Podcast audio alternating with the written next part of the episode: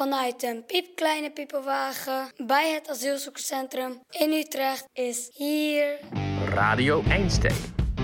Hallo, namaskar. Hey. Marhaba. Salam alaikum. Welkom. Hallo. Ahlan bikum. Hallo. Hallo. Hallo, salam alaikum. Hoi. Ja, Bagheer Ragli.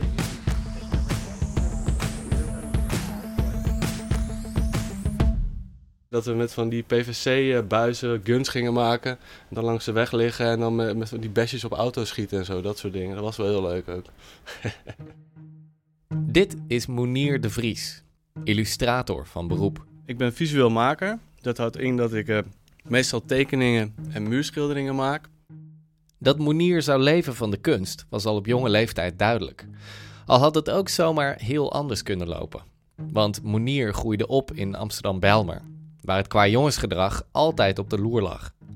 Maar naarmate hij ouder werd, evolueerde zijn kattenkwaad langzaam richting iets dat op kunst leek. Op de middelbare school dat we een pot verf op het kruispunt hadden laten vallen. Waar alle fietsers 's ochtends langskwamen. Dan kreeg je van die gigantische strepen van 100 meter ver. Dat Vond je vind- vond ik leuk. Tegenwoordig staat Moeniers werk regelmatig in kranten en tijdschriften. Bijvoorbeeld voor de correspondent ook. Heel leuk, omdat je in een hele korte tijd moet je echt snappen wat, er, wat het idee is van een tekst. Het allerliefst werkt Moenier aan projecten in de open lucht. Ik vind dat heel leuk, omdat als jij iets in een museum hangt, dan is dat vrij exclusief. Terwijl als het op straat te zien is, dan kan eigenlijk iedereen daar naar kijken. Maar voor dit project maakt Moenier niet iets voor een krant, tijdschrift of de openbare ruimte. Hij maakt iets voor en over precies één persoon. Ik eh, ga een portret maken van Narges. En jij hebt de eerste stukjes, fragmentjes gehoord van Narges. Yes. Hoe was dat? Heel eh, intrigerend. Ik ben, ik ben nog een beetje op na, aan het nasudderen erop eigenlijk. Narges is de hoofdpersoon van het kunstwerk dat Moenier gaat maken. Wat voor kunstwerk het gaat zijn, een muurschildering, een tekening, een schilderij of iets heel anders, en hoe hij Narges er precies in zal verwerken, daarin is Moenier helemaal vrij. Het enige wat vaststaat is de deadline. Hij heeft namelijk precies één maand de tijd. De komende vier weken zal hij Narges leren kennen via audioberichten. Mijn naam is Misha en ik zal die audioberichten als een soort audioveerman ophalen bij de een en weer afleveren bij de ander. En als het kunstwerk af is, zal Moenier het cadeau doen aan Narges. Een spannend moment, want dan pas zullen ze elkaar voor de allereerste keer live ontmoeten. Je luistert naar Radio Einstein. Dit is het cadeau voor Narges. Did you expect this? No, I didn't expect anything. Dit is hoe het eindigt. Maar zover zijn we nog lang niet. Check, check. Laten we beginnen bij het begin.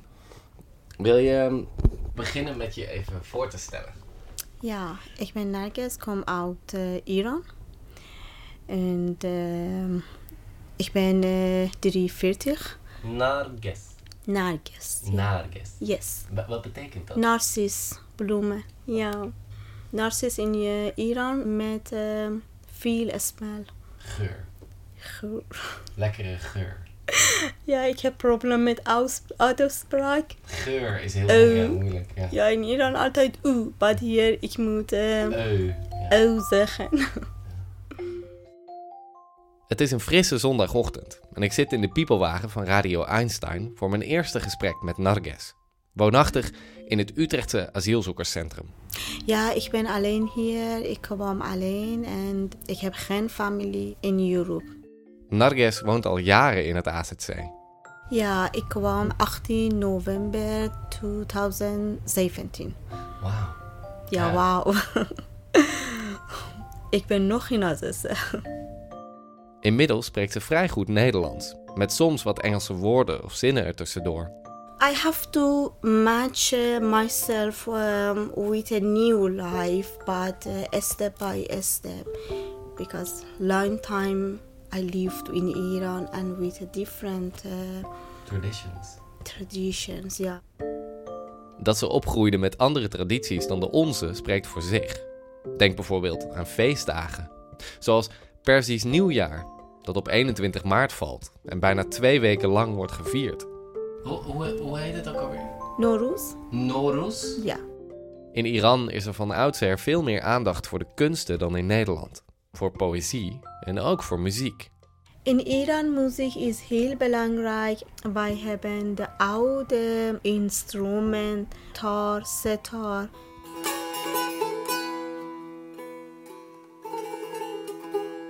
Maar met deze regering in Iran mag niet.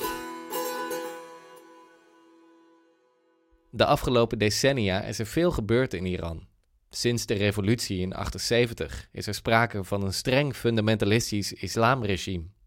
Een regime waar de laatste jaren steeds meer kritiek op klinkt. Ook Narges had er steeds meer moeite mee.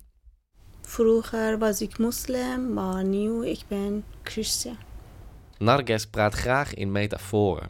Ze beschrijft haar zoektocht naar de ideale religie als een reis. Ik kan eh, zeggen voorbeeld, ik ga op vakantie. So uh, we have two leaders.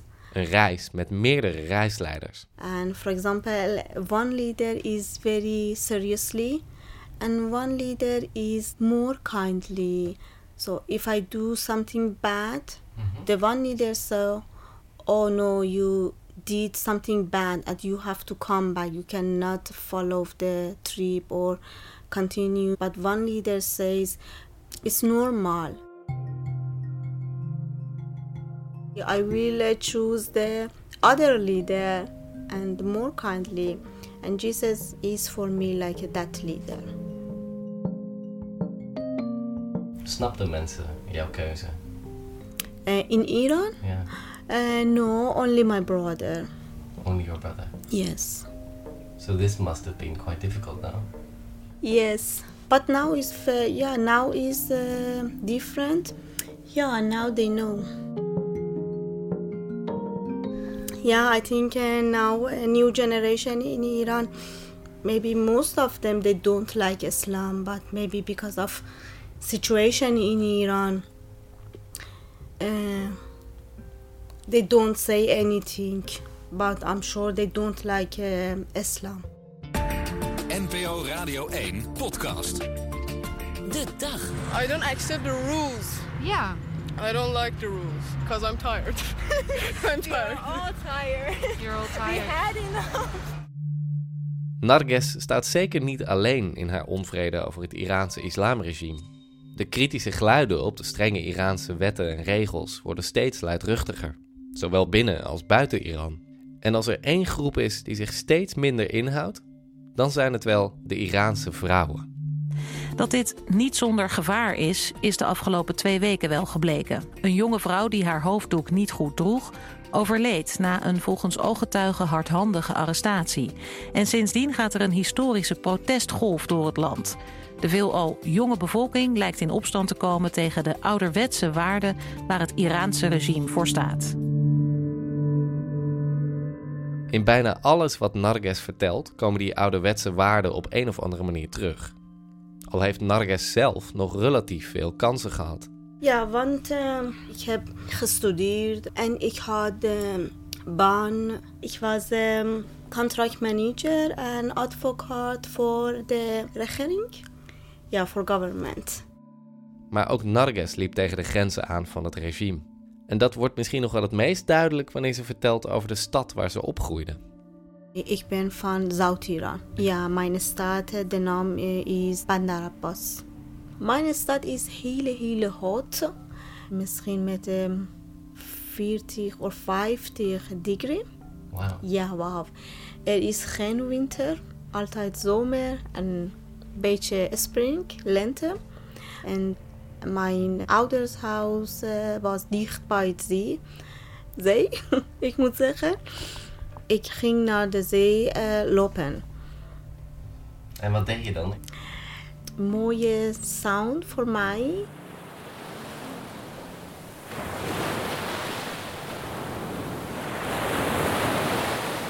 Bijvoorbeeld, ik had stress en de zee geeft mij goede gevoel. Maar helaas, ik kon niet zwemmen. En mag niet in Iran. Het mag niet. Nee, mag niet. Vrouwen mogen niet in de zee. Nee. Wa- waarom mag dat eigenlijk niet? Want met kleding voor zwemmen mag niet. Hijab en andere kleding eh, mag. Dus helemaal bedekt. ja, Dan mag je wel in het, zou je in het water mogen. ja, Maar niet met een badpak. nee. En toen kwam Narges naar Nederland. En daar was alles anders. Ik kan zeggen 100%. Voor de eerste keer begreep ik wat is um, freedom. En nu heb ik zwemles. Oh, fantastisch. Yes, fantastisch. Hoe lang nu? Misschien twee weken of drie weken. Oh, je bent echt net begonnen. Ja. Dus je hebt nog geen diploma. Oh nee. Is het spannend? Ja, erg spannend. Als ze gaat zwemmen is het zwembad gevuld met vrouwen in bikini. Maar dat durft Narges nog lang niet aan. Nee, is um, ja, niet geen bikini. Vooralsnog draagt ze een zwempak dat een groot deel van haar lichaam bedekt. En ga je, denk je dat je ooit in de toekomst misschien wel een bikini gaat? Misschien kan. Ja, ik weet het niet. Het is eigenlijk een soort heel groot experiment. Ja, heel groot.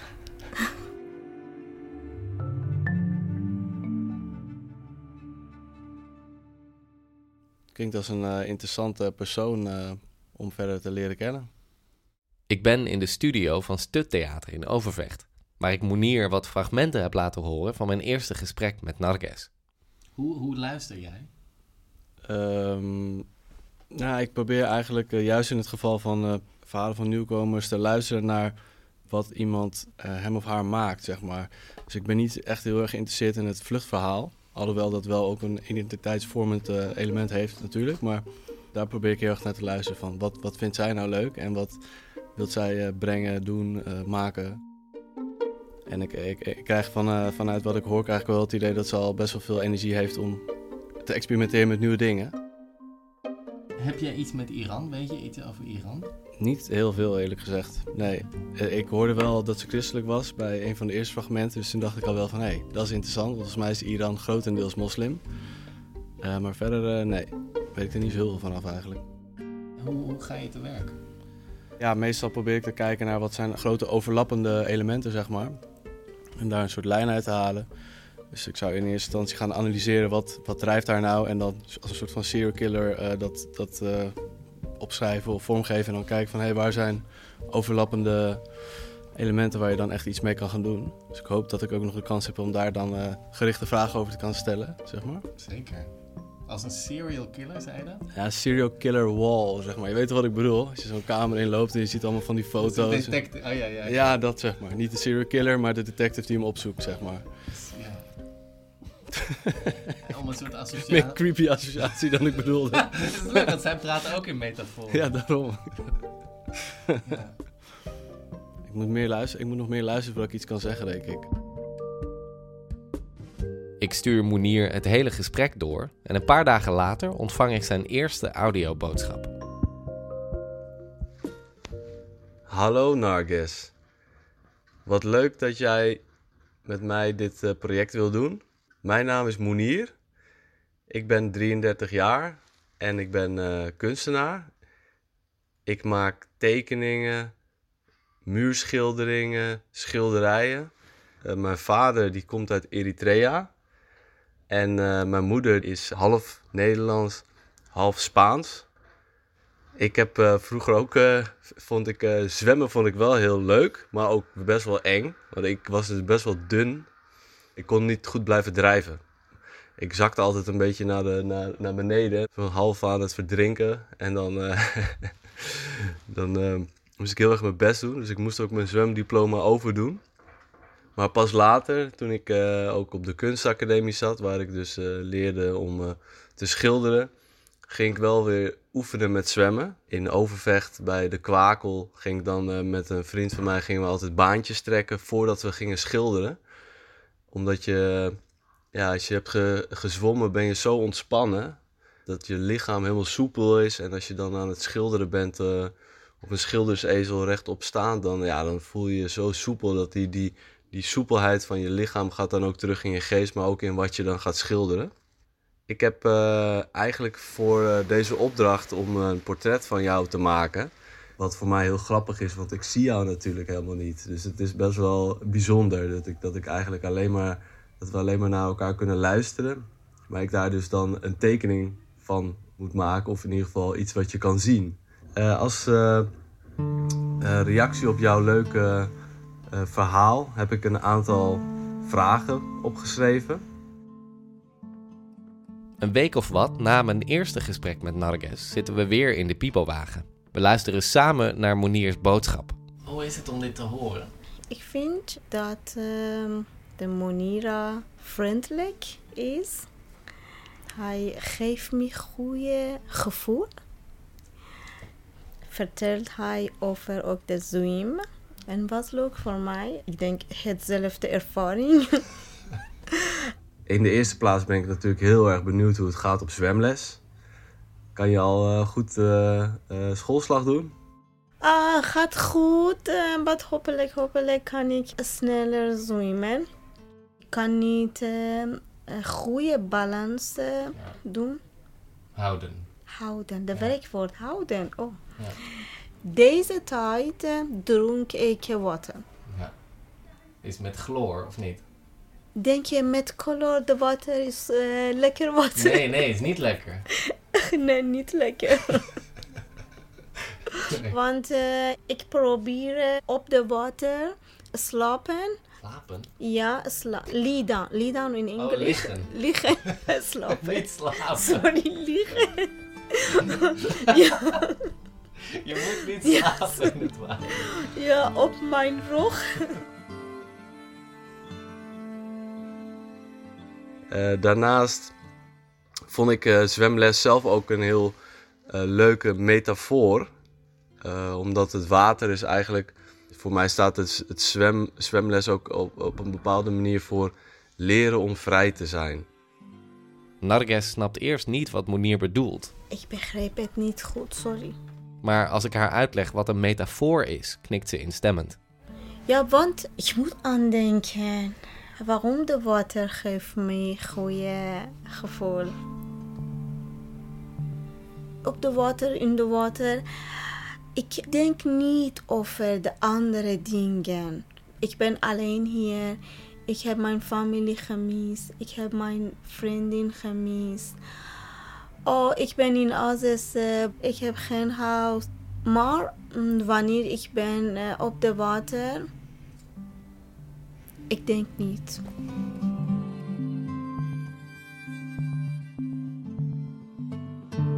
Daarnaast was ik heel erg benieuwd, omdat jij natuurlijk rechten hebt gestudeerd, waarom je eigenlijk rechten hebt gestudeerd. Omdat jij het ook belangrijk vindt dat mensen zich aan de regels houden, of omdat je het belangrijk vindt dat mensen op een rechtvaardige manier behandeld worden.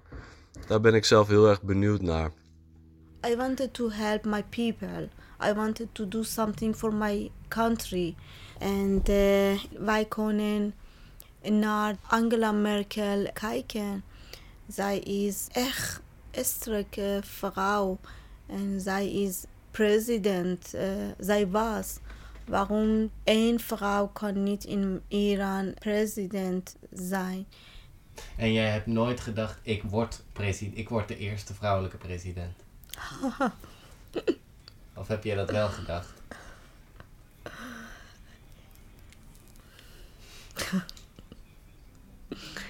Was droom. Alleen droom.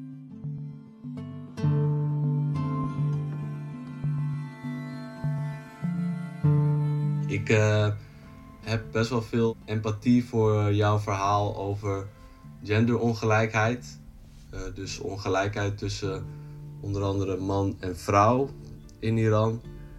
Eh, zelf vind ik dat ook heel vervelend dat dat er is. En hoop ik dat dat steeds minder zou worden. Eh, dat is ook iets wat ik van mijn vader heeft meegekregen. Mijn, eh, mijn oma, de moeder van mijn vader, die was ook heel jong toen, eh, toen hij geboren was. Minder dan 16 jaar oud. En dat is ook iets wat hem altijd ook heeft meegevormd in zijn leven. Dus hij is dus ook iets waarmee hij naar Nederland is gekomen. Dat hij dat super belangrijk vindt dat vrouwen en mannen gelijk behandeld worden. Ik eh, kijk heel erg uit naar jouw antwoord op mijn vragen. En eh, als jij zelf nog vragen hebt aan mij, dan eh, ben ik daar ook heel erg benieuwd naar. Ik eh, hoop weer snel iets van je te horen. Oké, tot ziens. Goedenavond, meneer Monira. Waarom ehm, ben je consulaar? Heel- Kunstenaar. Konstula. Kunstenaar. Konstunaar. Ja. Konstunaar. Een paar dagen later ben ik bij Moenier in zijn nieuwe studio. We zijn eh, in Utrecht, dicht bij het muzieklokaal, waar mijn nieuwe studio zit. Ik zit eigenlijk sinds vorige week in. En het is een hele fijne plek voor mij, omdat het de eerste keer is dat ik een plek heb waar ik kan schilderen, spuiten, zagen. Dus ja, ik, eh, ik heb echt zin in om gewoon mijn eigen plekje eh, hiervan te maken.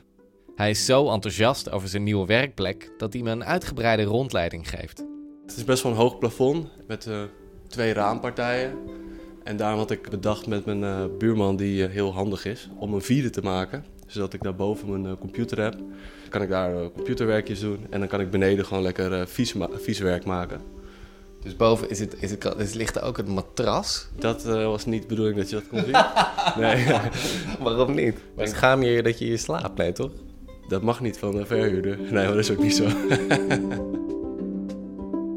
Ja, dan een grote partij kasten. Ja, hier zit allemaal. eh. Op, opgestapelde schroeven, airbrushmachine. Hier heb ik nog. Voor als ik buiten ga werken, allemaal van die eh, harnassen voor in hoogwerkers, helmen, beamers, eh, allemaal rommel wat je allemaal niet kan bedenken.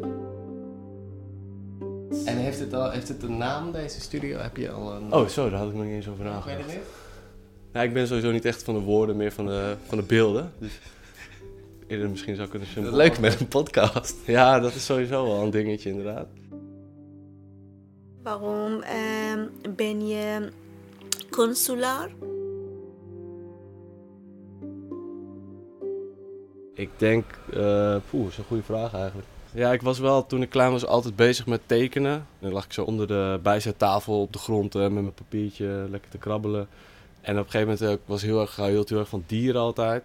Dus ik zat bij Artis in de dierentuin en ging ik dan dieren natekenen. En toen eh, op een gegeven moment, ik moest op Koninginnedag van mijn moeder, moest ik altijd dan mijn tekeningen gaan verkopen. Waar ik natuurlijk helemaal geen zin in had. En toen was er dus een man, eh, die eh, was kunstenaar. En die had van, van mij een tekening had hij voor eh 25 gulden van me gekocht eh, toen. Ik had op de basisschool, weet je wel. 25 gulden, nou dat was voor mij echt alsof je me nu gewoon 1000 euro geeft voor een, voor een, eh, krabbel, voor een krabbeltje op een papiertje. En eh, die had me toen uitgenodigd voor zijn expositie ook. Dus daar was ik met mijn moeder naartoe gegaan. Heel zo'n fancy, eh, ergens eh, in zo'n galerie, weet je wel. Dat kan, kon ik me wel herinneren dat ik dat, dat wel zoiets had van, hé, dat vind ik heel leuk. vond ik, vond ik heel was, leuk. was dit, want dit was jouw eerste verkochte kunst. Eigenlijk wel, ja. ja. Dus dat was voor mij wel een eh, leuk moment, omdat ik daarmee echt wel dacht van, eh, ja, oh, blijkbaar is deze waarde echt.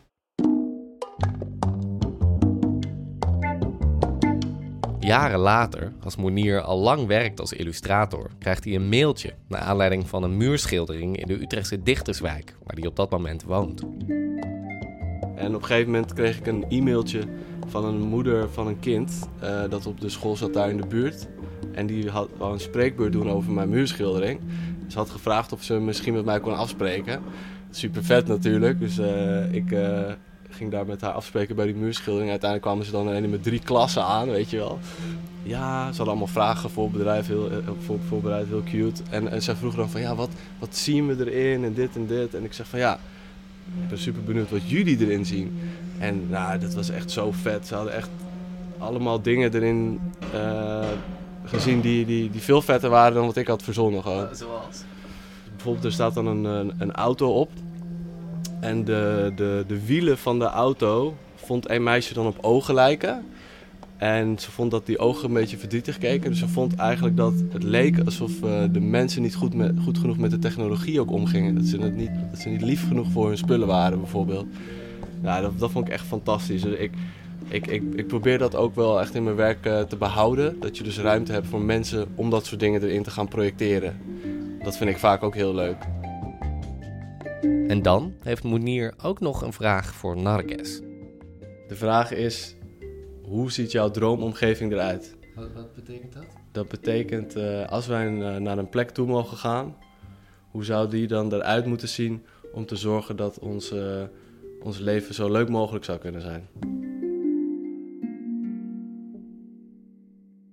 Zeker wil ik een goede wereld, wereld zonder oorlog, ja. Ja. Zonder de oorlog en zonder dictator, leader. Een paar dagen later zit ik weer met Narges in de piepelwagen van Radio Einstein. Ze begint een beetje terughoudend aan haar beschrijving van haar droomwereld. Ik wil, eh, ik wil in Utrecht eh, wonen. In de huis eh, dicht bij de water. Wanneer ik open mijn raam, ik kan de water zien. Dan wordt ze een beetje lacherig. Een huis met de zee is echt, echt droom. Maar als ze eenmaal bezig is, dan houdt ze niet meer op. Een huis dicht bij de zee. Ik kan naar de zee lopen en eh, ik kan een grote garden graag hebben met een schap in Nederland. Chips. Met een schaap. Ja, ik wil. Met een schaap en ook met een chip. Hoeveel schaap? En eh, hoeveel? Vijf is genoeg. Oké. Vijf, vijf schapen? Ja, met heel veel kippen. En met een maankip. Wat betekent in Een Nederlands? haan. Haan. Ja. En ik kan ochtends met eh, zijn sound wakker worden. Ja, ik kan in mijn garden planten mint, basil, parsley. Een kruidentuin. Ja, graag met de grote stairs gaat naar de slaapkamer. En ook eh, graag een chumine. Met een schoorsteen aan het dak. Ja, een grote keuken met een witte kabinet. En ook met een eiland. Keukeneiland. Yes. Nog meer? Leuk, een mooie plek. mooie plek, ja. Ja. Met een schaap, mooie plek. Met veel schapen. En je wordt wakker van... Ja. Sinds kort kan Narges daadwerkelijk dromen van haar ideale huis in Utrecht. Want Ik heb eh, een status gekregen. Je hebt nu een status. Ik heb En je bent nu aan het wachten. wachten ja, voor huis. En weet je waar? Ah, mijn gemeente is Utrecht. Ah, dus je mag blijven. Ja, mag blijven. Vind je dat goed? Vind je dat leuk? Perfect. Ja? Ja, because all my vrienden, kerk, um, mijn familie is Utrecht. Narges is nu vooral gericht op haar toekomst in Nederland. Maar denkt toch nog steeds veel na over het land waar ze opgroeide. Daar gebruikt ze natuurlijk een metafoor voor. Ze ziet Iran als fruit, dat er sappig uitziet, Nice watermelon, maar van binnen rot is. mooie fruits. De skin is heel mooi, but the inside happen a lot of things. En sinds ze in Nederland is, merkt Narges dat ze ook anders naar Iraanse mannen kijkt. Soms, um, ik wil zeggen, oh, poor de mannen in Iran. Tegenwoordig heeft ze medelijden met ze. Wanneer de zon is klein en de zon houden, he was crying or he cried, ja, huilen. Altijd de moeder zegt, nee, de zoon eh, moet niet cry. Een man mag niet huilen. Ja. ja. In Iran, wij hebben de één woord, ik weet het niet in Nederlands of Engels. De woord is kairat. Kei- Ja, en de kairat is heel belangrijk voor man. Keraat is lastig te vertalen. Maar het is een combinatie van liefdadigheid, welwillendheid en eergevoel. When the vrouw do something bad, she has to punish. En hier in Europe en hier in Nederland, mannen hebben niet zoveel Ja, keraat. en, ja, Want je grow up uh, met uh, andere meisjes in school and uh, you play it with a girl always and you grow up with girls and after 18 years you can live and you can have um, um, your own life without married or like this so it's different Lange tijd heeft Narges gedroomd van wat nu eindelijk binnen handbereik is: een leven in vrijheid. Terugkijkend voelt het alsof ze heel lang door de woestijn heeft moeten dolen. When we are in the desert without water or food, if we continue and uh, try to take one step more and walk, finally we can find the water or food. So I can uh, invite you to uh, re reveal the, the painting. Yeah. I actually like. Precies een maand nadat Mounir voor het eerst Narges stem hoorde, is het moment daar. Het is tijd voor de onthulling van het kunstwerk. Narges en Mounir hebben elkaar net voor de eerste keer gezien. Ze lijken meteen op hun gemak in elkaars gezelschap. Al lijkt Mounir wel een beetje nerveus om zijn cadeau te onthullen. Samen met een klein groepje genodigden zijn ze in de studio van Stuttheater in Overvecht. Er zijn ook een paar mensen bij die alleen Engels spreken. En dus spreekt Mounir de zaal toe in het Engels. Like so, uh, when I was listening to you, I start to kind of like sketch uh, an, an, image of you as a person. It was a, a very nice, strong person with, I thought, kind of like specific motives to help other people, but this was all fantasy to me. Uh, but then when I start to ask more questions, I actually find out that these motivations and these poetic visions th that I thought I heard in your uh, what you said uh, uh, were actually true. So that's like very beautiful that uh, what you hope somebody is that you actually find that. First, I listened to a recording of you, and then I asked some questions, and then you reacted to them. And that that is when I when I was listening back to this I was like just I was just walking outside I was just fully smiling all the time because it like just hit me uh, so strongly your the way you, you, you think about things and the the positivity that is behind what you want to do. Yeah I really uh, love that. Uh, so this is a really nice project for me in that sense. And uh, a special challenge on this one is that uh, I only had the sound. So it's like, uh, okay, I'm very dependent on what she was going to tell me. Uh, so finding that uh, Narges had some very uh, visual metaphors in communication was very, uh, very nice for me. Actually, she made it. You know, I just, I just paint, and she already make the ideas for me in this one. So that's funny, very funny for me in the process. So I'm very curious to know that how you interpret what I made, especially Narges uh, out of what you just heard. So I think now maybe the time to show but, it. But not everything is in there. Of course not, because you have giant uh, story. But I hope I captured some of the the core elements. What you see now is the the curtain uh, on top of it. It almost looks like a wave of water and kind of like connected to the story right now. So that's kind of coincidental. But uh, if you just pull this down, you can uh, see the painting. But you are the artist and you done it. No, everything. we are artists together. I Maybe use your we can ideas. do it together. Yeah, let's do it together. I'm so.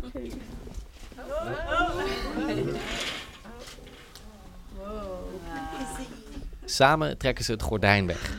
En dan kijkt Narges een tijdje in stilte naar haar kunstwerk. Thank you so much. Het is een grote, gefiguurzaagde houtsnede.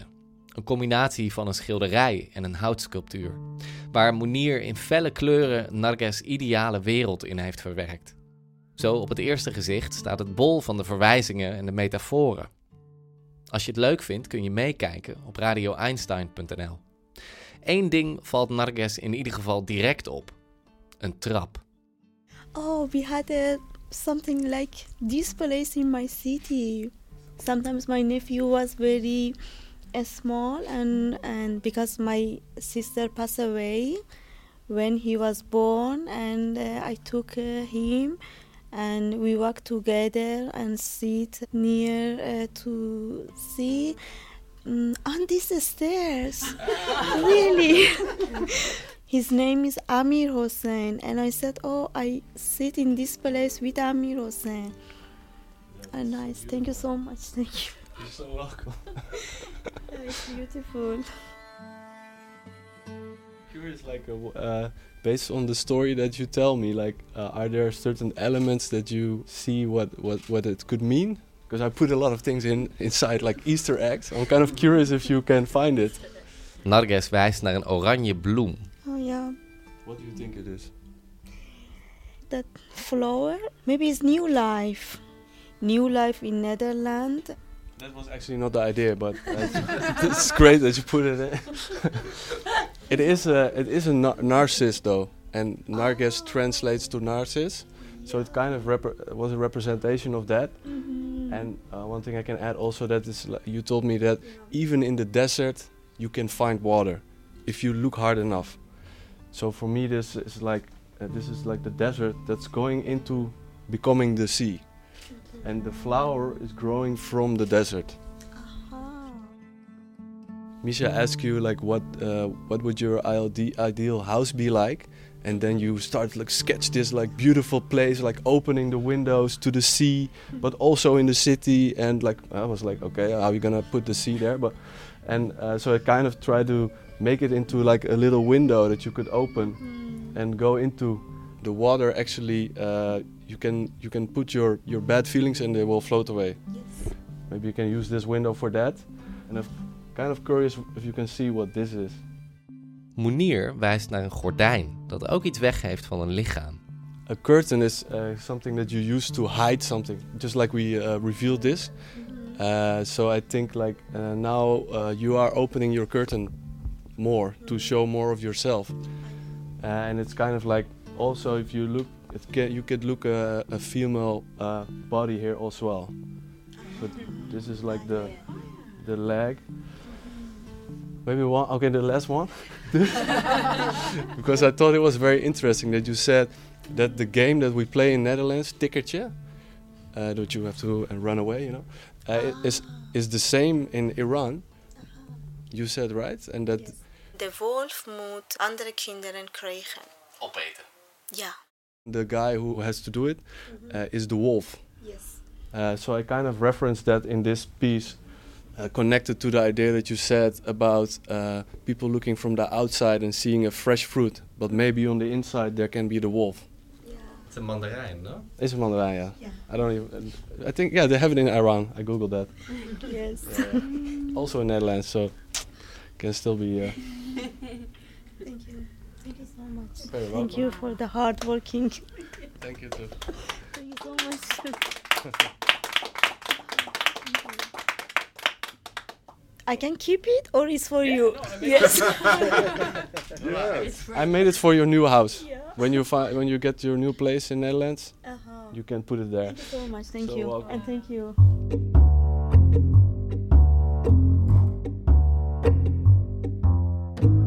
Yeah, it's so beautiful. Thank you for everything. I'm gonna keep it in uh, my slaapkamer. Ja? And always, if I was uh, tired, look at and say, if I'm in desert, I can go on and uh, be more, more, more strong.